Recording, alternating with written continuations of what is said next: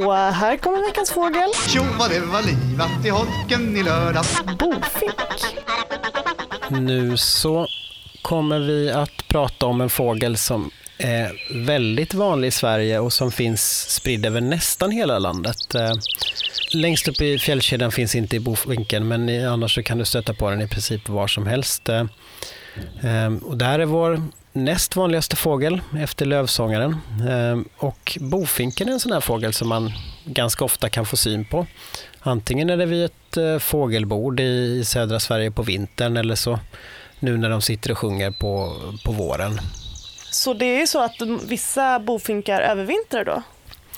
Jo, det gör de. Det är ganska få och det är väl oftast så att det är milda vintrar som, som bofinkarna övervintrar hos oss. Och, och de lever på frön. Och då är det så att om det är barmark eller liknande så kan de komma åt frön och, och äta av dem. Eh, Och sen är det också mycket fågelmatningar och liknande. Och har man en fågelmatning på vintern och befinner sig i södra Sverige, det är lite ljummet, så är det en god chans att man har bofink på den.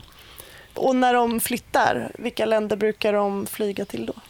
De flyttar inte särskilt långt bofinkarna utan eh, man kan väl säga att de, de finns i, i, i västra Europa eh, på vintern och, och de kan flytta lite olika långt beroende på vilka eh, födoförutsättningar som finns för dem då.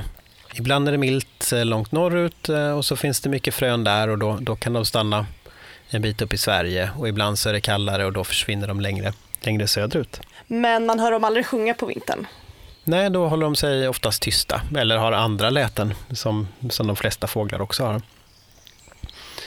Men om du då får syn på en bofink så känner du igen den. Framförallt så är hannen lätt att känna igen. Den har ett eh, rött bröst eller en röd undersida eh, och på den sittande fågeln så ser man på vingen två tydliga ljusa band. Eh, och på ovansidan så är den lite, lite mörkare och så har den ett så här, nästan grafitgrått huvud. Eh, Honan ser liknande ut, men är lite mer grådaskig, lite blek eh, på, på bröstet också, mer mattfärgad.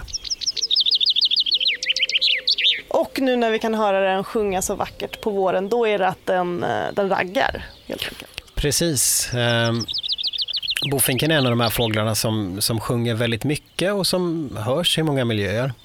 Eh, och sjunger nästan hela dagen. Eh, och då ska man lyssna efter den här lite stolta. Vi pratade förra veckan om, om lövsångaren som sjunger med en fallande strof och har lite, så här, lite mjuk röst liksom och lite, låter lite mjukt och klagande. Eh, bofinken har också en fallande strof med en knorr på slutet men den har liksom lite mer sprutt, lite mer drag i rösten. Eh, och minnesregeln som jag brukar tänka det är att bofinken vill gå på bio idag. Den är liksom otålig. Så då sjunger den Snälla lilla mamma, jag vill gå på bio idag. Snälla mamma, jag vill gå på bio idag. Den, den basunerar liksom ut sin närvaro lite mer eh, och, och, och märks på det sättet. Och så tänker vi att det är en biofink. Exakt. Är det så att lövsångaren och bofinken är nära besläktade då eftersom de har så liknande sång? Nej, det är de inte, utan de, de tillhör olika familjer. Och de ser väldigt olika ut och har väldigt olika beteenden och äter olika saker.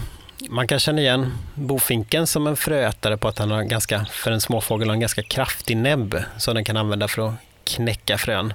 Eh, och sen har den lövsångare, den har en lite tunnare näbb som en prinsettnäbb då för att fånga insekter. Så de är, de är inte släkt eh, alls. Det enda de har gemensamt är att de vill gå på bio.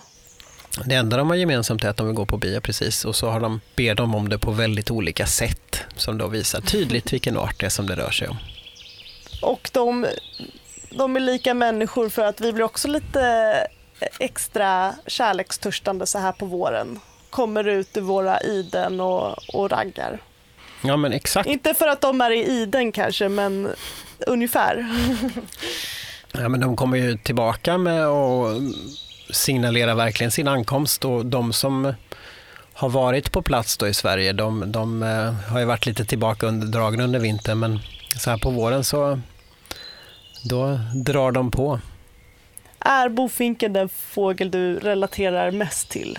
Absolut, det tänker jag. Gör inte vi alla det, alla svenskar? Vi, vi är ju säsongsvarelser. kommer ut och sjunger när solen äntligen tittar fram. Ett vårskrik.